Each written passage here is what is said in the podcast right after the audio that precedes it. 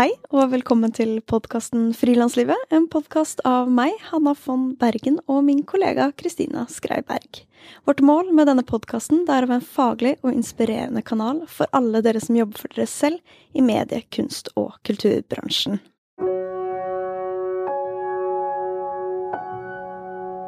Ukens annonsør er regnskapsprogrammet Fiken. For snart fire år siden så tok Kristina og jeg en kaffe, og det var fordi Kristina spurte om jeg kunne vise henne hvordan jeg bruker fiken. Og jeg ville vise henne hvor lett det er å føre regnskapet selv. Og den kaffen, det var faktisk det som var startskuddet til denne podkasten. Da brakte jeg nemlig ideen opp, og Kristina kicka på den her, og dermed ble frilanslivet født. Fiken er et regnskapsprogram vi begge bruker, som vi helhjertet anbefaler til andre frilansere. For akkurat som oss heier de på at små aktører skal lykkes. Vil du prøve fiken gratis i 30 dager? Gå inn på fiken.no. Dagens gjest er skuespiller og foredragsholder Iman Meskini, som ble kjent for hele Norges befolkning da hun som 17-åring fikk rollen som Sana i TV-serien Skam. Skam ble en ekstremt stor suksess både i Norge og internasjonalt. Mer enn én million personer strømmet de ukentlige episodene, og den første episoden av Skam er en av de mest sette enkeltepisodene på NRK nett-TV noensinne. Syv land har inngått avtale med NRK om å lage egne versjoner av Skam, deriblant USA, Frankrike og Belgia. Iman er nå 25 år, bor i Blaker utenfor Oslo, og har en bachelor i arabisk og Midtøsten-studier ved Universitetet i Oslo.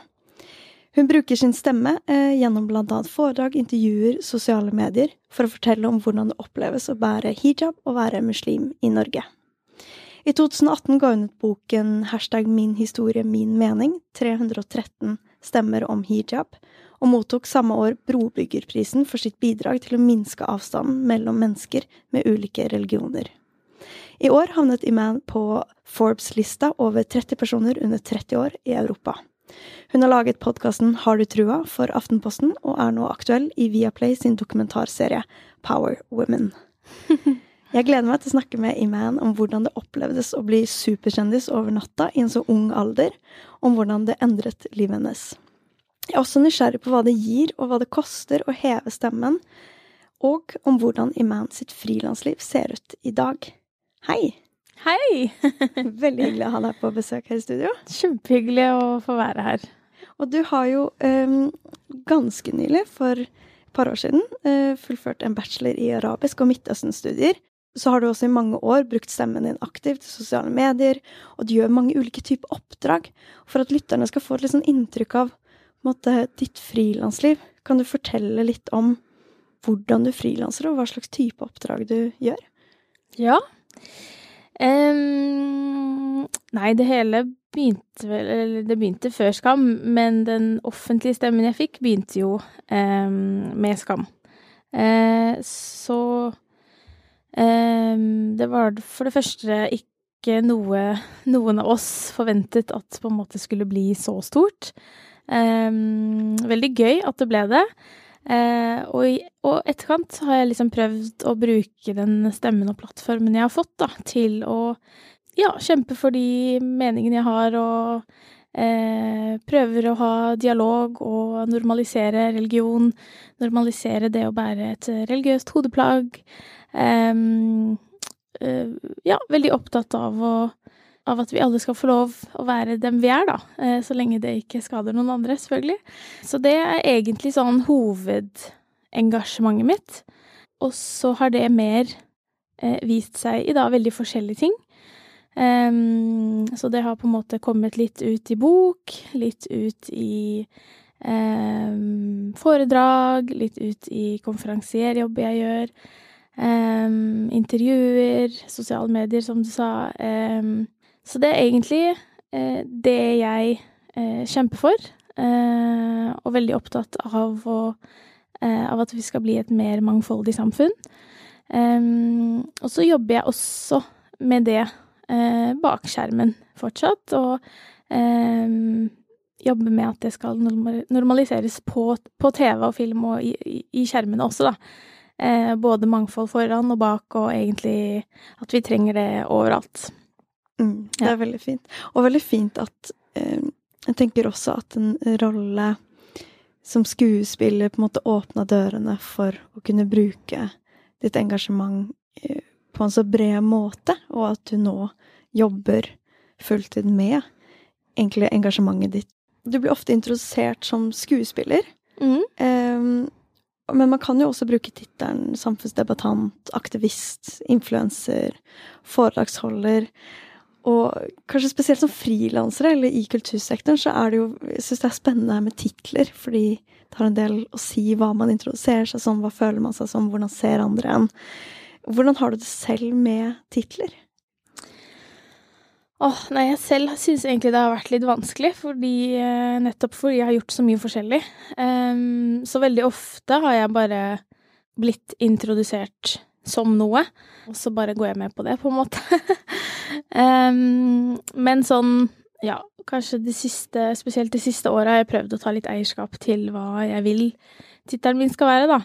Uh, og det er hovedsakelig skuespill jeg vil drive med, men så er det uh, ja, så har jeg da dette brennende engasjementet som jeg på en måte ikke klarer å la være å, å, å vise i andre, andre muligheter jeg får òg, da. Så jeg kjemper veldig for eh, at det skal bli flere roller for eh, minoriteter og flere eh, bak skjermen også, ikke sant. De som skriver historiene, de som skriver manus, de som er med å bestemme hva det er vi skal se på. Der er det jo også veldig lite mangfold. Uh, så for at disse historiene skal komme frem, så må vi på en måte ha de som opplever dem, og de som lever dem, til å fortelle historiene også. Så det er egentlig det jeg hovedsakelig har som tittel, men så gjør jeg eh, Og så føler jeg litt mer sånn til dette engasjementet, da, så er jeg liksom skuespiller og eh, ja, samfunnsaktiv eller aktivist, eller eh, Ja, har jo øh, Har jo dette brennende engasjementet som jeg på en måte må Føler jeg må legge til ved siden av skuespiller. Mm. Ja, for du har jo valgt en, en, en vei som Som jeg tenker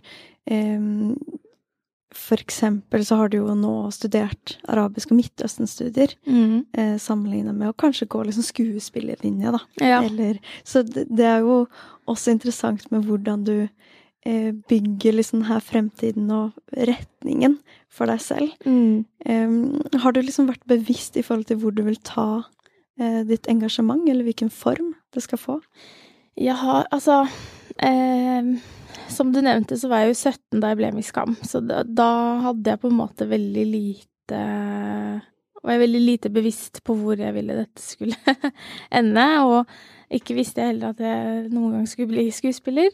Um, men det var, eh, det var liksom to ting som jeg hadde veldig lyst til å gjøre eh, før Skam kom inn i livet mitt, og det var å utføre førstegangstjenesten i Forsvaret. Det var et sånt lite mål jeg hadde, og, eh, og så hadde jeg veldig lyst til å ta det studiet, Midtøsten-studier med arabisk. Så det var på en måte eh, to ting som jeg bare visste at det vil jeg få gjort før jeg eh, fortsetter med noen ting. Og Midtøsten-studiet med arabisk var egentlig fordi eh, jeg har alltid eh, hatt lyst til å liksom lære meg arabisk ordentlig, sånn skikkelig godt, og liksom lese og skrive og snakke og um, Og ikke bare sånn Ja. For jeg vokste opp med da litt arabisk hjemme, men det var veldig Veldig sånn enkelt og veldig hverdagslig, og glemte mye av det i, opp, i oppveksten, da. Hvor det ble på en måte mer og mer norsk, og den arabiske forsvant litt, da. Så det var liksom det jeg egentlig ville, og det eh, skjønte jeg at jeg ikke kom til å gjøre med mindre jeg gjorde det om til studiet mitt, eller om til skolen min, for da kunne jeg liksom studere og samtidig lære meg et språk som jeg har hatt lyst til å lære meg lenge, da. Og så Nei, så jeg syns det var utrolig spennende, og så har jeg liksom tenkt i ettertid sånn OK, hvordan kan jeg kombinere det med skuespill, da? Fordi eh, som du sa, det, ikke, det, er ikke et skuespillstudie. Um, så det som hadde vært kult, da, som jeg liksom har tenkt litt på sånn senere, er jo om, om jeg kunne eh, noen gang spilt en rolle i en arabisk film, eksempel. Um, og der kan jeg jo på en måte vise til at selv om jeg bor i Norge, så har jeg liksom studert arabisk, og det kan jeg, og jeg snakker det, og har vært på utveksling i Jordan, og Så det hadde vært en sånn Det er en sånn liten drøm jeg har, da. Mm, spennende. Mm, ja. Og var det med å bli skuespiller noe du på en måte aktivt oppsøkte, eller var det vel, vel litt tilfeldig at du havna innpå den her rollen som Sana i Skam? Altså, det Jeg tror ikke på tilfeldigheter, men det var i hvert fall ikke min plan. det var noen andres. Så um, Nei, jeg, jeg uh, har jo i ettertid forstått hvor utrolig viktig representasjon er, og det er derfor jeg er så utrolig opptatt av det òg. Um, og det er rett og slett fordi at jeg um, Ja, fordi jeg ikke hadde den representasjonen på TV så var ikke det noe jeg trodde var mulig for meg, eh, og noen gang liksom skulle bli skuespiller. Så når, det, når den muligheten kom, så eh, var det jo både skummelt og veldig spennende.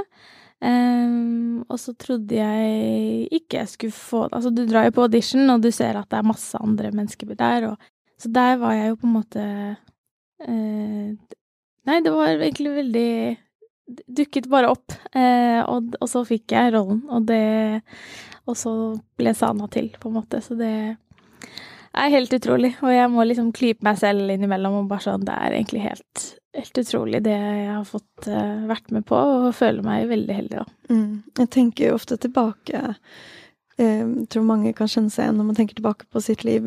Alle de her små stegene. At man ikke vet helt hvilke lite steg som blir til noe veldig stort. Og sånn som når du eksempel dro på den audition, da, så er jo det et bevisst valg om å oppsøke en mulighet. Mm. Eh, litt sånn ikke vitende om hva, som, hva det kan potensielt eh, bli til, da. Ja, absolutt. Og det, eh, det har jeg alltid vært opptatt av, faktisk. Å liksom ikke stake meg ut en kurs eh, som er altfor langt fram i tid, for da blir man ofte liksom blind for de mulighetene, og, og ser på de som hindringer i stedet for muligheter, da. Eh, så der er jeg blitt veldig sånn åpen i forhold til på en måte hva som kan dukke opp. Eh, og veldig Ja, veldig glad i å liksom eh, ta en utfordring og prøve nye ting, og eh, alltid vært veldig glad i å gå ut av komfortsonen min, fordi jeg har liksom merket at der er læringskurven veldig høy, og eh, ja, lært masse om meg selv gjennom det, og det håper jeg at jeg liksom aldri slutter med heller. Mm. Det er veldig fin livsfilosofi. Ja.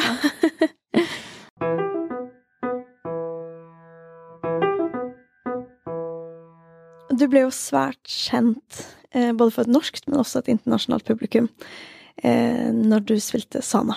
Og du var 17 år når denne serien eh, starta. Og i likhet med deg så bærer jo Sana hodeplagget hijab og er muslim. Eh, og det er fem år siden siste sesong av Skam ble sendt, hvor Sana var hovedfiguren i den sesongen. Hvilke dører har Skam åpna eh, for deg? Skam har åpnet eh, veldig mange dører for meg, absolutt. Og det Jeg kan jo på en måte ikke jeg vet jo ikke hvor jeg ville vært i dag hvis ikke jeg hadde vært med i Skam, for det har på en måte basert og påvirket livet mitt i så stor grad at det eh, Jeg vet jeg ikke hadde sittet her, i hvert fall. um, men eh, det har åpnet uh, utrolig mange dører for meg og for mange andre, og um, ikke minst så har jeg liksom lært at uh, selv om noe ikke fins, eh, så betyr ikke det at det ikke er mulig, da. Eh, nettopp fordi at noen Ja, jeg så, så aldri en muslimsk jente med hijab på TV før Skam, liksom, men eh, en gang må jo være den første. og nå ser jeg det Altså, nå har jeg sett det flere ganger, da, så det sier jo noe om at det på en måte har skjedd en endring.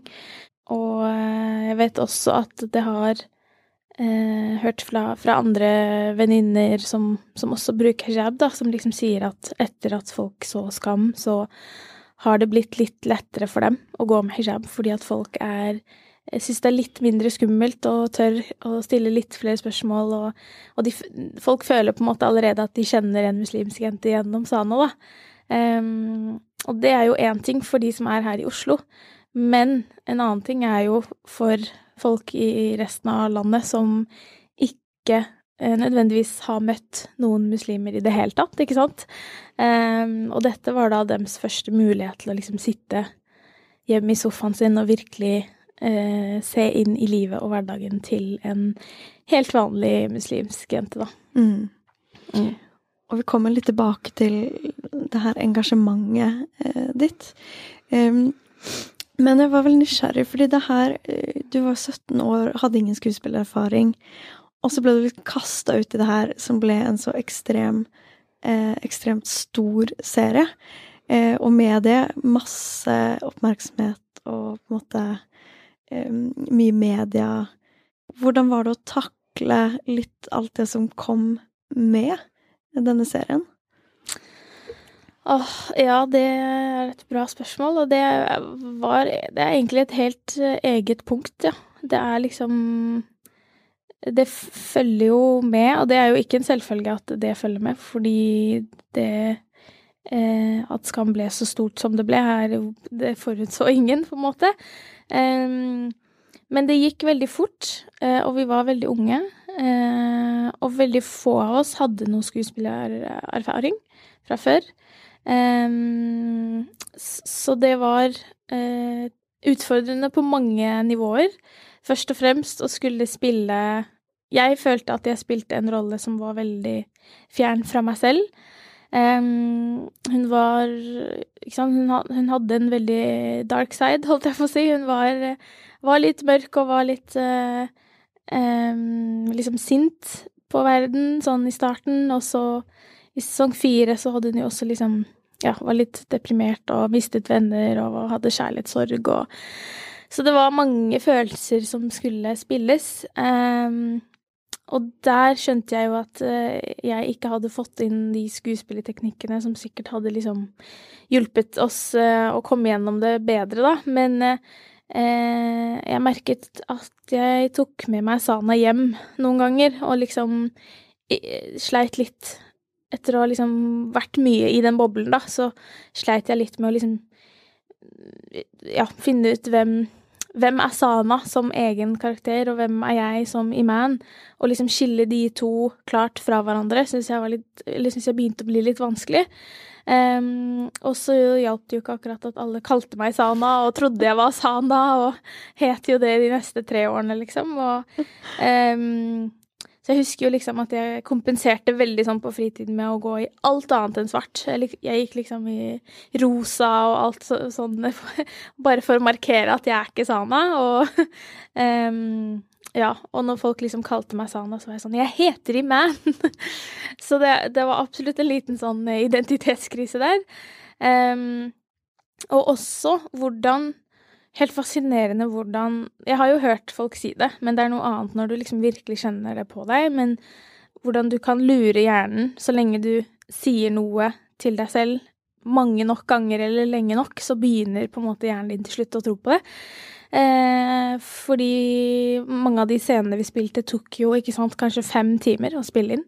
Og de gjorde det samme om igjen og om igjen og om igjen. Og spesielt eh, jeg, da, som skulle spille liksom sint eller veldig lei meg eh, så merket jeg at kroppen min til slutt begynte å liksom tro på det. Sånn at jeg ble I den ene scenen så ble jeg så sint på ekte at liksom Hendene mine begynte å skjelve. Og liksom etterpå så bare kjente jeg sånn Jeg var helt tom for energi. Jeg var helt utmattet og dro hjem den dagen. Og bare var så lei meg resten av, resten av kvelden. Og jeg visste ikke hvorfor. For jeg hadde liksom Jeg kom dit i godt humør den dagen på innspilling, og så det var absolutt eh, Nei, utrolig, utrolig fascinerende og lærerikt, men også veldig tøft. Så det um, uh, Ja, jeg vil si jeg har liksom prøvd å selvlære meg ganske mye da, i forhold til liksom skuespillerteknikker og, og, litt sånne ting som jeg skulle ønske jeg hadde visst. Uh, og så uh, fikk jeg jo veldig mye erfaring på de fire sesongene som jeg har tatt med meg. og ja, og vet at jeg har masse utvikling og, og ting å lære fortsatt. Um, som er jo det som gjør det litt spennende og gøy òg, da, selvfølgelig. Mm. Og jeg kan tenke meg at For du nevnte her at du og karakteren Sana er veldig forskjellige. Men så har dere også noen likheter i erfaring av utenforskap. Mm. Um, og kanskje liksom fordommer som man blir møtt med. Mm. Uh, så det må jo ha vært ganske hardt å også liksom være i det som en karakter, og på en måte gjenspille det. Eh, ja. På en måte seinere. Uh, hvordan, hvordan, var det, det aspektet av det? Ja, det var også, også tøft. Det var liksom noen scener der som var ble veldig lik noe, ting jeg har opplevd selv, eller um, ting jeg har vært gjennom selv som liksom har, har, vært vondt i prosessen, men som jeg liksom har tenkt at ja, det er jeg ferdig med. Og så når du spiller det igjen og igjen og igjen, så, så liksom kommer de, kommer de følelsene litt tilbake, da. Um, og det, det tror jeg nok var litt problemet med å ikke klare å ikke vite helt tydelig skillene mellom, mellom oss karakterene, da. Eh, eller karakteren og meg. Um, så jeg tror jeg på en måte hentet Brukte meg veldig mye i, i den karakteren, da. Og jeg tror på en måte Julia også prøvde å finne I og med at vi ikke hadde skuespillererfaring, så tror jeg også hun prøvde å finne litt likheter, sånn at ikke karakteren skulle være så veldig vanskelig for oss å spille eh, også. Mm, og det her er regissøren, Julie Almen? Ja, det er regissøren. Så Nei, så jeg tror eh, det Og så var jeg jo også med litt å påvirke Sana-karakteren. Um, fordi Uh, og det sa de jo på en måte allerede på audition, at vi kan ikke så mye om det å være muslimsk jente i Norge i dag. Uh, og det var jo gjerne derfor de ville ha en som var muslim på ekte, i virkeligheten. For da kunne jeg på en måte være med og bidra litt uh, til om ting Ja, ville man sagt det sånn? Kunne man gjort sånn? Ja, hvordan, hvordan, opplever du dette? også de replikkene som handlet om å tro. Uh, det også er jo veldig vanskelig å beskrive hvis man ikke tror selv. Uh, så der også var det jo litt sånn improvisasjon, nesten, hvor jeg bare egentlig snakket ut fra det, det å tro. så det er jo um, Ja, så på Så jeg vil jo si at jeg liksom Ja, ga alt og gjorde alt jeg kunne for at liksom Sana-karakteren skulle bli best mulig. Eh, og så tok det litt tid for meg å liksom komme meg eh, etter det.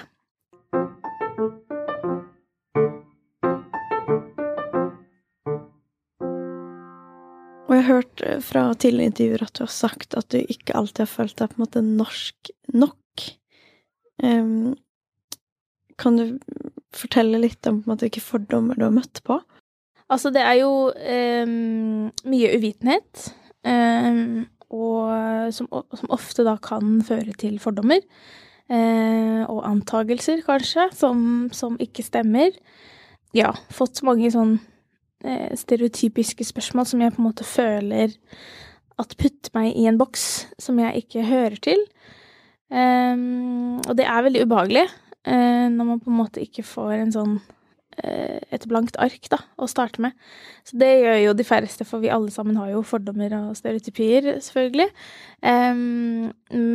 Men det har uh, ja, det aller verste og mest vanlige har vel vært rundt hijaben, da, vil jeg si. Eh, og hva den symboliserer, og hva Og at folk på en måte tror at eh, Eller har trodd, da, at de liksom automatisk vet alt om mitt liv og, og, hvordan det er, bare fordi de ser et hodeplagg. Eh, så det helt siden jeg liksom starta med det ganske ung, så liksom Ja, begynte jeg å få spørsmål om det, og om hvordan jeg har det hjemme, og hvordan foreldrene mine behandler meg, og oh Ja, for du tenker at det Ja, ja, nå Dette er signalet om at her eh, Her må man eh, aktivt bekymre seg, liksom.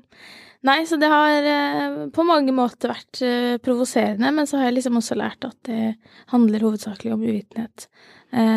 og at folk som stiller de spørsmålene, de altså vet ikke bedre, på en måte. Og da ja, da er det liksom min jobb, eller vår jobb, å ja, dele hvordan, hvordan, det faktisk er, da. Mm. Og det er jo eh, ganske sånn Kan jo kanskje være et tungt ansvar å føle på det eh, at du hele tiden må representere på en måte en, en religion, religion ja. en, på en måte en minoritet. Mm. Eh, når følte du på det eh, for første, eller sånn i første gang? Det har jeg egentlig følt på helt siden femte klasse på barneskolen. Når jeg tok på meg hodeplagget. Mm. Eh, for det liksom Ja, det var ikke noen sånn store negative reaksjoner, liksom, men det, det vekte en del spørsmål. Eh, og jo eldre ble jeg, jo, jo mer skjønte jeg av de spørsmålene som ble stilt, og hva som egentlig eh, ja, for jeg syns, jeg syns, jo de var rare, på en måte, i starten. Eh, for jeg var jo bare barn. Hva slags type spørsmål var det? Nei, de, jeg nevnte, da, eh, i forhold til eh, min familiesituasjon og, og, hvordan jeg hadde det hjemme. Og, og når jeg var på besøk hos venninner, så sa foreldrene deres at jeg kunne, jeg kunne bare ta den av hjemme hos dem. Altså, de skulle ikke sladre til mine foreldre. Og jeg kunne bare spise de pølsene, altså, for det, det gjorde ikke noe her, og her var alt lov. og så det var veldig sånn sterke antakelser til at jeg hadde det liksom helt forferdelig i mitt eget hjem. mens for min, for min, del så var hijab på en måte Åh, det er som at uh, en liten jente tar på seg de høyhælte Eller gutt tar på seg de høyhælte skoene til moren sin, liksom. Altså sånn fordi man bare vil Vil være som en du ser opp til, og vil være som forbildet ditt, og Eh, så det var på en måte en helt sånn uskyldig tanke som, som gjorde at jeg liksom starta med det. Og så, med årene, da, så på en måte fikk jeg et mer og mer bevisst forhold til det, basert på liksom spørsmål, og at jeg måtte jo faktisk svare, svare for meg, da, og svare på de spørsmålene. Og, um, og ja, og så, og så fikk jo jeg ofte også høre uh, om andre muslimer. Eh, enten noen de hadde sett på TV, eller noen de hadde hørt om, eller noen de visste om. Som på en måte Ja, men den personen, den, den har det sånn, eller den Ja, men den gjør sånn.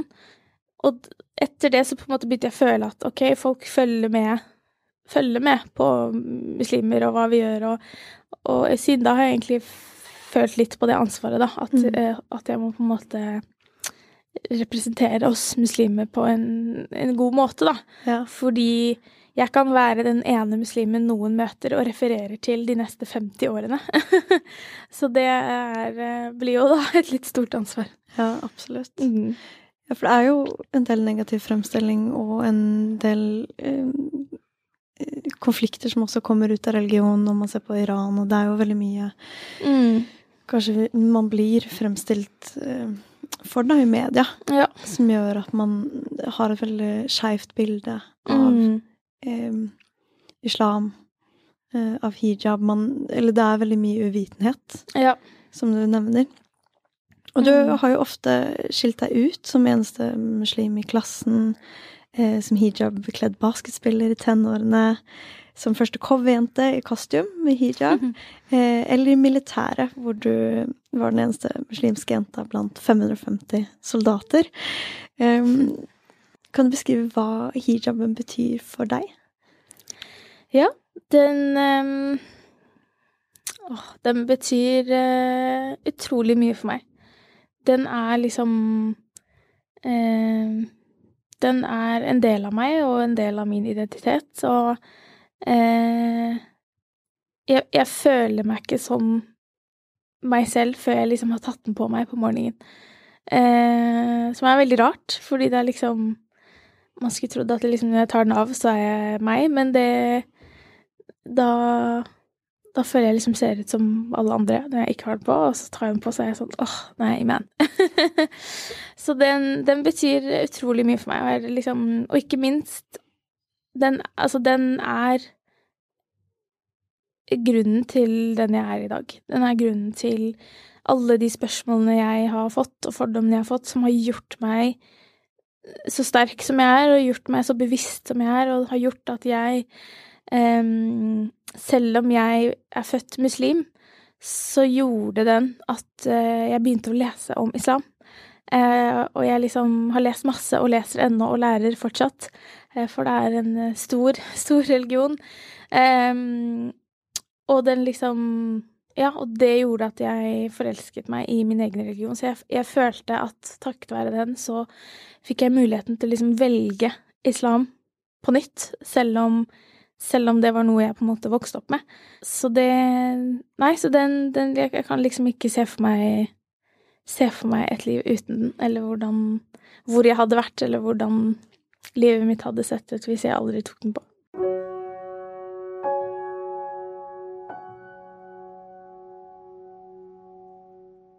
Ukens annonsør det er banktjenesten Folio. Med stiftemaskinen fra Folio så kan du på under fem minutter opprette ditt eget AS. Her får du gjort hele jobben med å stifte ditt eget aksjeselskap på ett sted. Du mottar bedriftskonto med én gang, noe som hos tradisjonelle banker kan ta ukevis, og Folio loser deg gjennom noen enkle steg, og du mottar SMS når du må gjøre noe. Superenkelt! Sjekk ut stiftemaskinen.no for mer info.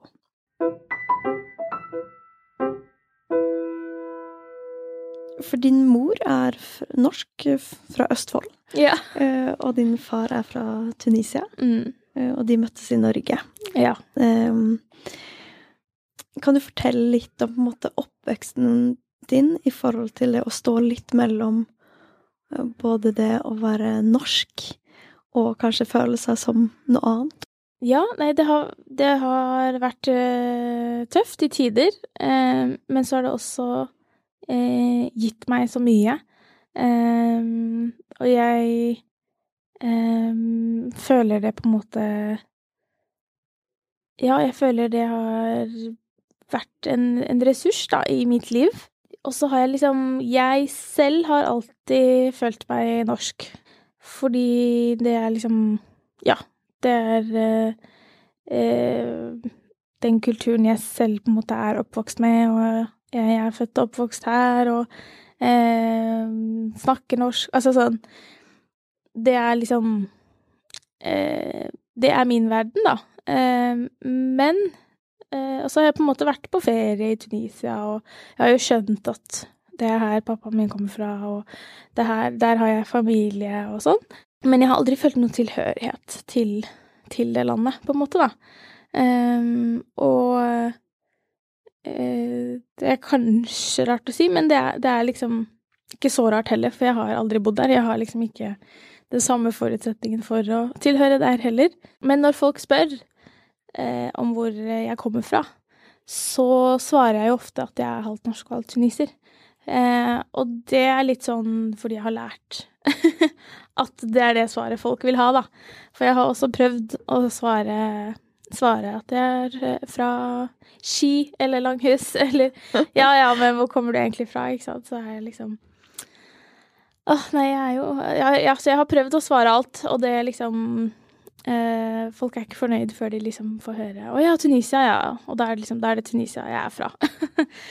så, så det har, har jeg på en måte bare lært at det er det jeg svarer, men jeg har alltid følt meg, og føler meg fortsatt, eh, norsk. Fordi Mm. det er her jeg Det her er mitt hjem, og det er her jeg bor, og dette er på en måte det, det jeg vet, da.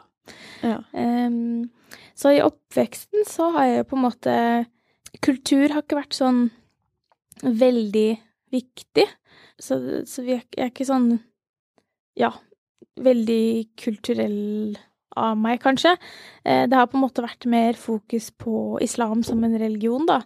Og den, den på en måte har jo ikke noe etnisitet eller noe kultur eller eh, Den er jo en egen ting.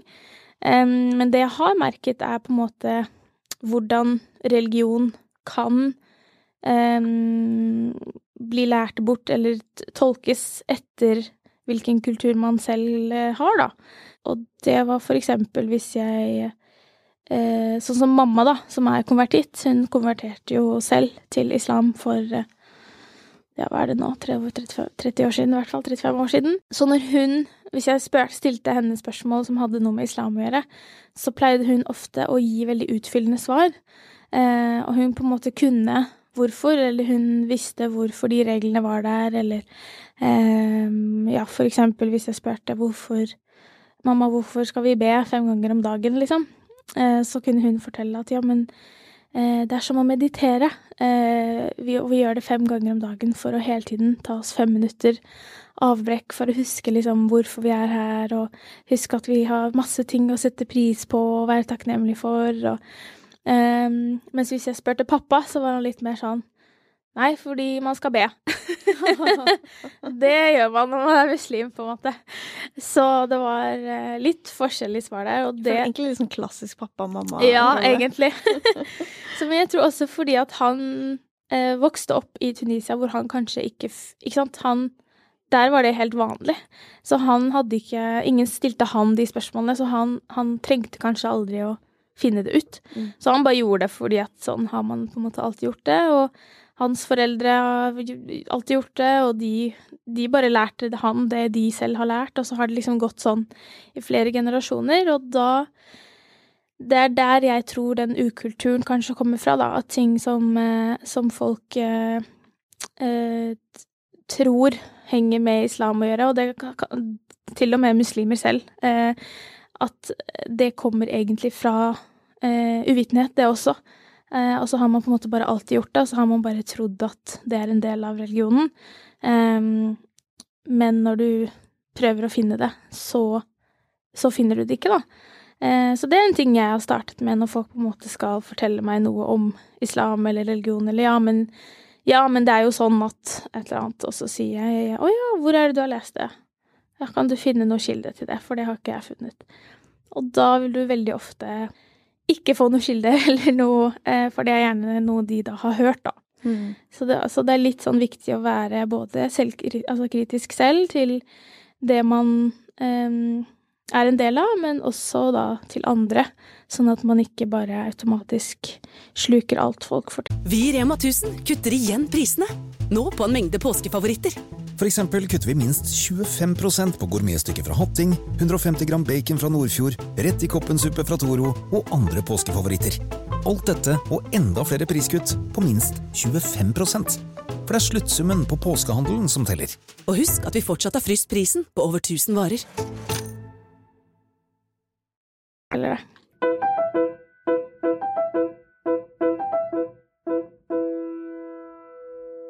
Kan du fortelle litt om hva det kanskje både gir deg, men også hva det koster å være eh, en offentlig person som på en måte ytrer seg om disse temaene? Det gir meg eh,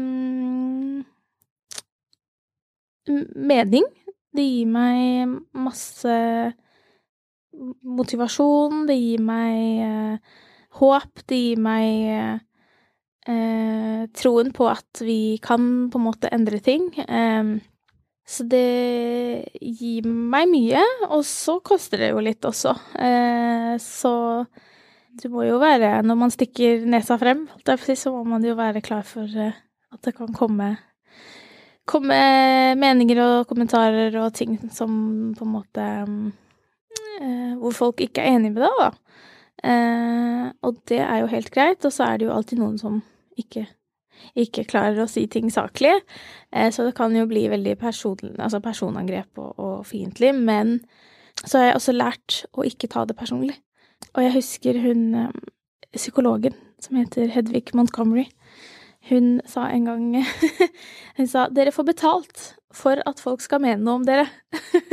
så det er det bare å ikke bry dere om det. Det er liksom Det er litt av jobben, da. Og det husker jeg var litt sånn Ja, tok jeg liksom med meg, da, og tenkte at det er Fordi folk tenker Jeg vet ikke. Det, det, virker som om folk på en måte tror at, at offentlige mennesker ikke har følelser, eller ikke på en måte tar til seg ting, da. Eh, og at det liksom De er det helt greit å, å si hva man vil om, og eh, så er det på en måte så lett i dag òg, fordi på grunn av liksom, sosiale medier og internett og Så det er så lett for folk å skrive ting, og det er så lett for oss også å finne det og lese det. Um, så det er nok noe jeg absolutt på en måte har stoppet med, å liksom lese kommentarfelt eller lese. Det syns jeg ikke Det er ikke noe vits, på en måte. Um, og så har jeg også sluttet å liksom krangle med folk om, om, hvem jeg er, eller hvordan jeg er, eller hva jeg mente, eller så tenker jeg bare at det Det, de som vet det, vet det, og det, de som ikke vet det, har liksom Jeg har ikke lyst til å vite det heller, på en måte. Så det, det tror jeg liksom man aktivt må jobbe med når man er en offentlig person og, og, og har meninger og, og, ytrer seg. Så tror jeg du må også være forberedt, da, men også klar for at det kommer ting, og eh, jobbe med å ikke ta det personlig, fordi de kjenner ikke meg, på en måte, da. De kjenner ikke meg personlig. De eh, ytrer seg basert på liksom eh, en mening eller et intervju eller hva enn det måtte være. Eh, og så har jeg på en måte lært meg å danne meg en sånn sirkel hvor jeg tenker at ok, de nærmeste, som er min familie, mine venner, mannen min, de er de det, er, det er de jeg bryr meg om hva tenker om meg, eller hva sier om meg, eller eh, Og de kjenner meg, og de er glad i meg. Og hvis det er noen liksom utafor den sirkelen, så trenger jeg liksom ikke å bry meg, for jeg skal egentlig ikke ha noe med dem å gjøre heller. Mm. Ja. Så sett opp litt sånn tydelige grenser, Ja, og, og velge litt hvilke kamper du tar, og ikke absolutt. Jeg hva du det lar slippe inn. mm. Ja, Um, filtrere litt. Jeg tror det er veldig viktig for å eh, For å kunne fortsette, da. Og for én ting er liksom å ytre seg, men en annen ting er at du skal holde ut. Og liksom Ja, prøve å vare, da. ja. Mm. Jeg tenker på de som lytter, som jo mange også ytrer seg jo i sine felt. Og det kan, som vi har snakka litt om, komme med en kostnad. Og det kan være veldig skummelt å ytre seg, og kanskje Mm. spesielt når man er ung. Jeg tenker du begynte jo å ytre deg veldig tidlig. Eh, og om et tema som jo mange har sterke meninger om, som ikke eh, er alltid så lett å snakke om, kanskje også. Men har du hatt noe Har du noen tips til hvordan bygge litt det her sikkerhetsnettverket, eller fins noen ressurser som har hjulpet deg eh, på denne veien å bli litt mer sånn robust? Eller kommer det veldig mye bare innenfra og fra erfaring fra de nærmeste? Ehm, jeg vil si det kommer fra begge deler. Um, det første Det første jeg vil anbefale, er å bli bevisst. Uh, å bli bevisst på hva de kommentarene og tilbakemeldingene gjør med deg. Hvordan, hva, hva er det du sitter igjen med etterpå, etter å ha lest det, eller etter, etter å ha fått det? Um, for én ting er liksom Jeg vet til og med om folk som på en måte aktivt leser ting om seg selv, eh, og tar det veldig til seg. Ehm, og så sier jeg, men du kan ikke gjøre det, det, der, det der er det verste du kan gjøre mot deg selv. Og så Nei, nei, men jeg syns det er latterlig, liksom. Jeg syns det er gøy, det de skriver. Men det er ikke noe gøy, og det, det kan hende du syns det er eh, litt gøy, men det tror jeg egentlig ikke noe på. For det er ikke noe gøy å lese dritt om seg selv. Og det eh, Og er det gøy første gangen, så er det, er det ikke gøy i lengden, liksom. Uh, så det tror jeg det første må gjøre, er å bare slutte å oppsøke det. Uh, og aktivt uh, avsøke det, holdt jeg på å si, og aktivt gå vekk fra det. Um, ikke engasjere deg i samtaler hvor folk Hvor det er det de skal snakke om. For det, det trenger du ikke. Konstruktive tilbakemeldinger er selvfølgelig noe helt annet. Em, men her snakker vi om liksom usaklige, hatefulle ytringer mot, mot deg for noe du har ment eller sagt. Så det første er å liksom bli bevisst på hva er det disse tingene egentlig gjør med meg. Em, og så eh, slutte å oppsøke det. Og så vit hvem dine nærmeste er. Eh, og, og snakk med de, og snakk om det. Og det Hvis ikke de er offentlige selv, så er det ikke nødvendigvis at de liksom forstår akkurat hvordan du har det, men eh, de vil fortsatt være der for deg. Og så er det viktig at du omgås da med folk du vet er glad i deg, og folk du vet er dine nærmeste, sånn at du på en måte hele tiden vet eh, hvem sikkerhetsnettet ditt er, da. Eh, og hvem du alltid kan falle tilbake på, og de er glad i deg uavhengig om du ytrer deg offentlig eller ikke, og da mest sannsynligvis også for de meningene du har. Eh, og liksom hent motivasjonen din derfra, og tenk at det er de som er viktige, og så må du bare tenke at folk utafor den sirkelen er de, de kjenner ikke deg personlig, og det er ikke viktig hva de mener om deg. Og sånn kan du på en måte ja, bry deg litt mindre om det neste gang, da. Og, og at det også slutter å at du ikke blir redd for å ytre deg, da. Ikke blir redd for å fortsette å, å uh, fortelle dine meninger offentlig, fordi du alltid tenker at ja, men jeg vet hvem jeg har når jeg mm. kommer hjem igjen, på en måte. Mm. Jeg husker også skolen jeg gikk på som heter Kaospiloten i Danmark, snakka veldig mye om oss det her tre delene av seg selv som er på en måte det private, det personlige, det eh, offentlige. Mm. Eller det profesjonelle. Og eh, at det kan hjelpe veldig å reflektere rundt hva havner i hvilken kategori. Mm. Hva syns man selv egentlig er noe privat, da, som man ikke er komfortabel med å dele. Mm. Eller hva For ofte som kanskje utøver eller frilanser og i kultursektoren, når man er offentlig person, så deler man jo gjerne kanskje en del som er personlig, mm. eh, inn i det profesjonelle. Mm. Men at det er viktig å ha en grense der ja. på hva som ikke slipper inn og ut mm. også. Det er veldig sant. Og du har jo nå, som jeg nevnte i introen, nylig hatt uh, Viaplay har gjort en serie som heter Power Women, som følger deg og fire andre sterke kvinner uh, litt sånn i hverdagen i arbeidet deres, i uh, engasjementet. Og der har jo kameraet vært med deg litt både liksom på hjemmebane, på jobb. hvordan har det vært i forhold til det vi snakker om nå? Å, oh, det har vært eh, på mange måter litt rart eh, å ha noen som på en måte følger, følger, hverdagen og følger livet og kommer hjem til meg og, og, og sånt. Og så har det også vært veldig spennende og lærerikt. Det er det er mye jobb bak, bak dokumentarserier. Altså det Jeg tenkte jo på en måte ville være litt sånn flue på veggen som bare henger med, men det er mye også mye planlegging og, og koordinering som skal til, da. Og så har det vært litt skummelt i forhold til um, ja, hvor mye man liksom deler og gir av seg selv, og, um, og i hvert fall jeg som på en måte ja, vil si jeg deler mer enn jeg har gjort før, liksom, og, og bare det at de på en måte kommer hjem til meg og møte min mann og min familie og mine venner og Eh, det blir veldig nært. Så Nei, men, men, det har vært også veldig Ja, veldig lærerikt og spennende. Jeg vet jo at du også har vært med på 71 grad nord, hvor du kom på andreplass. Mm. Um, men hvordan velger du, eh, sånn som for eksempel de her to TV-seriene Hvordan velger du litt hva du skal si ja eller nei til i ditt frilansliv. Nå vet jeg at du har et management, Pullman Management, også. Eh, mm.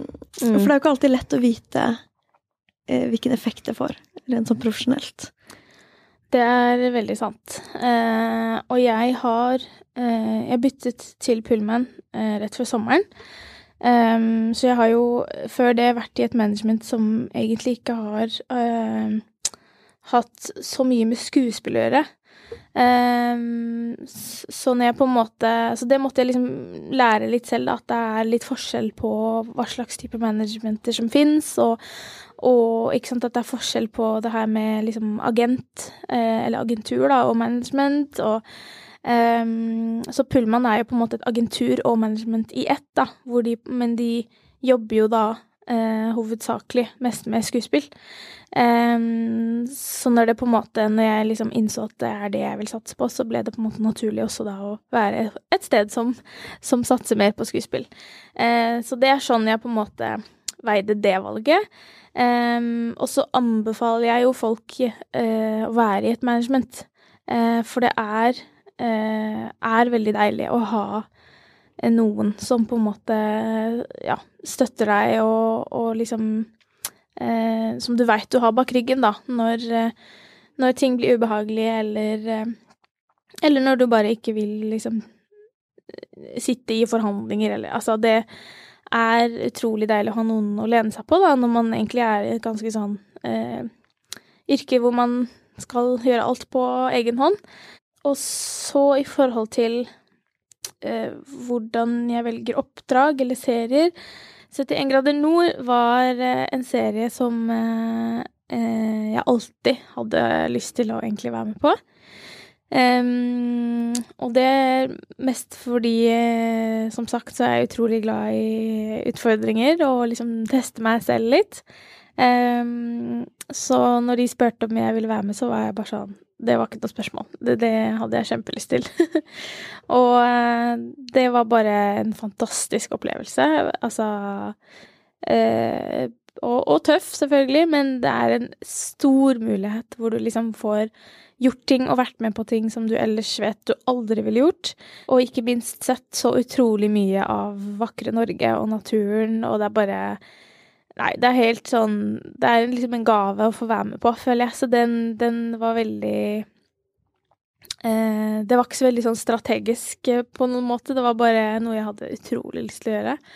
Det er også noe eh, deilig med å bare følge magefølelsen. Ja, Um, og den serien her, um, dokumentarserien, den er på en måte um, Det jeg håper, da, er at den uh, er med å uh, normalisere eh, ja, en minoritet, da. Religion, hijab, tro. og at Jeg har jo snakket veldig mye om det. Men nå følte jeg på en måte at uh, jeg kunne gi folk muligheten til å egentlig se, se det selv, og være litt med meg på det. Og være med meg på hva, hvordan hverdagen min ser ut, da, og hva det handler om, å møte min familie og um, Som jeg tror man på en måte har Ja, i forhold til dette med mer mangfold på skjermen, da, så tror jeg at man har godt av å se uh, hvordan ulike mennesker eh, lever, da. Også på fritiden og privaten og um, med sine familier, og at man får litt uh, flere perspektiver og aspekter i det, da. Uh, så det er det jeg egentlig håper jeg kan bidra med til, til den dokumentarserien. Mm. Opplever du det som utfordrende å være en skuespiller som bærer hijab, i forhold til hvilke roller du kan oppsøke og ikke, eller hva som fins tilgjengelig? Det er eh, Det gjør det absolutt Altså, du får absolutt mindre muligheter. Um, og det tror jeg kommer av flere ting. Jeg tror det kommer av uh, at man kanskje tenker at hvis jeg skal spille en rolle, så må det på en måte handle om en som er muslim, eller det må handle om religion på noen måte, eller um, Eller handle om hijaben, eller problemstillinger rundt det. Um, at det ikke bare kan være en helt uh, Vanlig ja, karakter, ja. Som uh, også tilfeldigvis også er muslim. muslimsk ja. og har hijab, ja. Mm. Ja, så jeg tror, jeg tror, det handler litt om det. Uh, og det håper jeg, men også merker jeg, er litt i endring. Um, så det tror jeg bare har vært snakk om på en måte bevisstgjøring, ved at man kanskje ikke har liksom tenkt på det, da, at, uh, at, det kan handle om noe helt vanlig, og så um, er det ikke så farlig om uh, den personen er muslim eller homofil eller kanskje sitter i rullestol i noen tilfeller, ikke sant, så lenge det er en rolle som på en måte er mulig for, for den personen å spille, da. Og, og det er jo litt sånn jeg føler jo også at det er jo um, sånn hverdagen vår er også. Jeg har jo på en måte samme problemstillinger som andre jenter på 25 år også har, og um, jeg går jo liksom ikke rundt og tenker på at jeg går med hijab, eller tenker på at jeg er muslim hele tiden, og liksom um, så, Altså, vi, vi, studerer og jobber og går på skole og har familie og venner og drar på lunsj. Altså, vi gjør samme ting som, som alle andre, på en måte, og så har vi Men så er vi også muslimer i tillegg, da. Um, så jeg tror uh, Jeg tror det Jeg tror det kommer seg. Jeg tror vi er liksom på riktig vei. Mm, det er veldig fint. Tusen takk for at du kom hit. Ja, takk for at jeg fikk komme. Veldig, veldig hyggelig. Veldig fint å slå en prat med deg. I like måte. Ha det bra. Ha det bra.